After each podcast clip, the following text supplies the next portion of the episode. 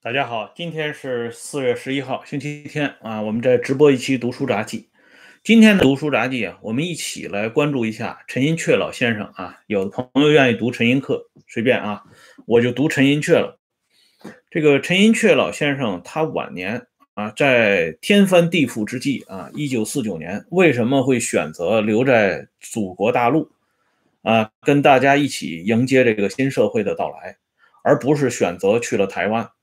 在当时，在后来，包括在今天，都有很多各种各样的猜测啊。这种猜测呢，包括老先生的身体啊，老先生的家人呢等等。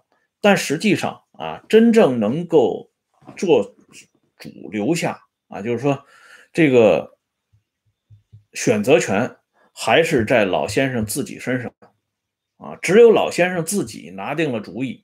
他才会选择留下来，而且这一点呢，陈寅恪晚年在自述当中，他也并不回避啊。这里呢，我们来转引一段陈寅恪晚年的一个解释。他说：“当广州尚未解放时，伪中央研究院历史语言研究所所长傅斯年多次来台啊，来电报催促去台湾，我坚决不去。”至于香港是英帝国主义的殖民地，殖民地的生活是我平生所鄙视的，所以我也不去香港，愿留在国内。这是陈寅恪自己啊啊夫子自道的一番话，这是一方面。另外一方面呢，钱穆先生曾经有过一个回忆啊，叫八十一双亲。其中呢，有一段是师友杂忆，就是谈他当年接触过的这些啊朋友们的一些故事。这里边就谈到陈寅恪为什么会留在大陆。由于钱穆的这个回忆呢，让我们还知道了一点儿之前没有披露过的内容，就是说在是否留在祖国大陆这个事情上，陈寅恪夫妇本身是有分歧的。陈寅恪的夫人唐云是坚决反对留下的，他是主张哪怕先去香港，也要先离开大陆。但是陈寅恪呢，却主张留在广东。呃，钱穆的原话啊是这么写的：其夫人欲必去台北，寅恪欲留粤，延迟争执，其夫人即一人独自去香港。啊，就是说老太太想去台北，老头呢想留在广东，最后老太太给折中了一下，去了香港了。可是去了香港之后呢，还是被老头子给弄了回来。这样呢，夫妇俩一直待到一九六九年最后的时间，前后差不多是二十年。所以大家知道有那本书吗？陈寅恪的最后二十年，讲的就是这二十年非凡的历史。这里边呢，我们来看一下啊，当初蒋天书啊，曾经作为晚辈，他留过一个回忆的记记载，能够帮助我们了解这陈寅恪先生呢，为什么会在关键时刻选择留在祖国大陆啊？这里边呢有一段话非常值得大家的回顾啊，蒋天书呢就是谈到。陈寅恪，他的家世，嗯，他有一个特殊的家世。原话是这么写的啊：先生少遇家难，乃祖尊翁均革职，慈禧凶残，赐死乃主，又名于敬庐，日寇献平，尊翁悲愤，绝食殉国，家仇国恨于先生影响深矣。啊。这段话呢，咱们给翻译成这个白话文就是说陈寅恪的祖父，我们都知道，著名的封疆大吏、湖南巡抚陈宝箴，他是当时在这些地方高级官员当中唯一一个认真执行戊戌变法的人，后来被那拉氏给直接赐死，赐死了。哎，那。陈宝箴的儿子陈三立，也就是陈寅恪的父亲，此人呢，名列清朝末年的几位著名的公子的行列，与谭嗣同、张立仁，就是张之洞的儿子啊，这些人呢，一度非常齐名。陈三立呢，因为日本人攻陷北平，最终呢，有憾于国家的沦亡，绝食殉节。啊，所以呢，死的也非常悲壮。由于祖父和父亲这两代人的非正常死亡，在陈寅恪的头脑当中，这亡国的概念会显得非常的深刻。在当初啊，陈寅恪在香港的时候，日军攻陷香港，陈寅恪后来给他的学生。专门讲过，包括他自己在《金明馆重稿二编》当中也写过一段话，就是写辽史的补注当中有一个序言，他就说：公元一一二七年靖康之变的时候，当时开封围困啊那种状况，那种情况，他在读历史的时候，他没有一个最直接的感受，可是联系到他在。上个世纪四十年代初，日军围困香港的时候，他一下子就豁然心通意会，啊，所以他说嘛：“平生读史四十年，是无此亲切有味之快感。”啊，就是说他一下顿悟了。但是他顿悟的前提是什么呢？就是这种啊，在他看来，这个外族侵略、异族入侵之后，这种。痛苦啊，所以呢，让他产生了极大的顿悟。事实上呢，这个陈寅恪留在大陆早就有迹象。这里呢，我们不妨看一下老先生当年在一九四七年春天曾经写过的一首诗啊。这首诗呢，我先念前四句：“匆匆佳气古幽州，隔世重来泪不收。陶罐已非前度数。”稿接常侍坠高楼，这里边呢有一句话，后来经余英时老先生解读啊，大家呢就会清楚一点，什么叫稿接常侍坠高楼？什么叫稿接？这稿接呢这个词是陈寅恪用的一个典故，在唐朝啊，就是在汉唐两代啊，尤其是汉朝，这个长安有一个蛮夷之地。就是外族啊来长安住的地方，所以称之为蛮夷。那个地方呢，就叫镐街。所以镐街长侍坠高楼，其实的意思就是陈寅恪当时对一九四七年美国人在北平的一些做法表示非常的不满意。由此呢，他又一下子联想到日本人当年围困香港岛的这个故事了。又一下子联想到公元一一二七年的故事了，所以他的心思呢，在这个时候就已经决定了，他是绝不会啊跟这个国民党去台湾的，也不会再重新啊回到香港去，他只能留在大陆。但是他留在大陆呢，他也有分教啊。你比如说这首诗里边呢，他有这么一句话：“名远北间。”仍多事，老妇东城有独忧。惆怅念年眠时地，一春残梦上心头。就是说，留在北平呢，这种是非之地，他是不想待了。他会找一个相对安静点的地方。哎，所以呢，他最终选择了岭南。尤其这个岭南大学校长陈旭京盛情相邀，所以他躲到广东去啊，读书教书。他认为呢，那是一块净土，哎，可惜的是呢，没有躲掉。老先生当年有一首诗，其中有两句啊：“自由共道是文人，最是文人不自由。”啊，没想到呢，这首诗应在了他老先生自己身上。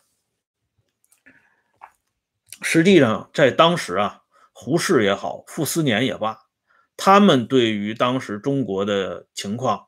了解的呢，也不是特别的有预见性，但是这两位老先生因为不同程度的与咱们的伟大领袖都有过局部的交接，所以他能够与其他一批啊普通啊普遍具有幻想或者是有幻觉的知识分子，包括陈寅恪在内，他有一些不同的看法。哎，所以胡适呢、傅斯年这些人是极力劝说，包括陈寅恪在内的这些大牌知识分子赶紧离开。不过呢，傅斯年对局势的关注呢，未免过于乐观。他认为呢，这个解放军进了北平城以后，他们站不住脚，可能也就是二三十年的光景，就会有另外一个新时代出现。啊，老先生呢？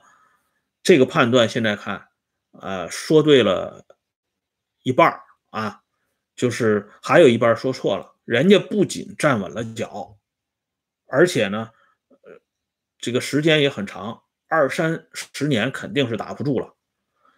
不过呢，这个新时代呢，还是终于来了啊，只不过呢，呃，时间推迟了一些，从一九四九年到二零一九年，大概是有这个。七十年的时间，新时代终于来临了。嗯，所以那个时候呢，有很多人不仅啊没有认同胡适和傅斯年的看法，反而非常鄙视他。除开啊陈寅恪自己列举的这些原因，还有钱穆作为旁观者看到的原因，另外呢还有一个共通点，这就是人们经常说的。趋炎附势，啊，这是人性的共通之处，谁都不例外。尤其这研究历史的人，他看形势啊，所谓形势比人强。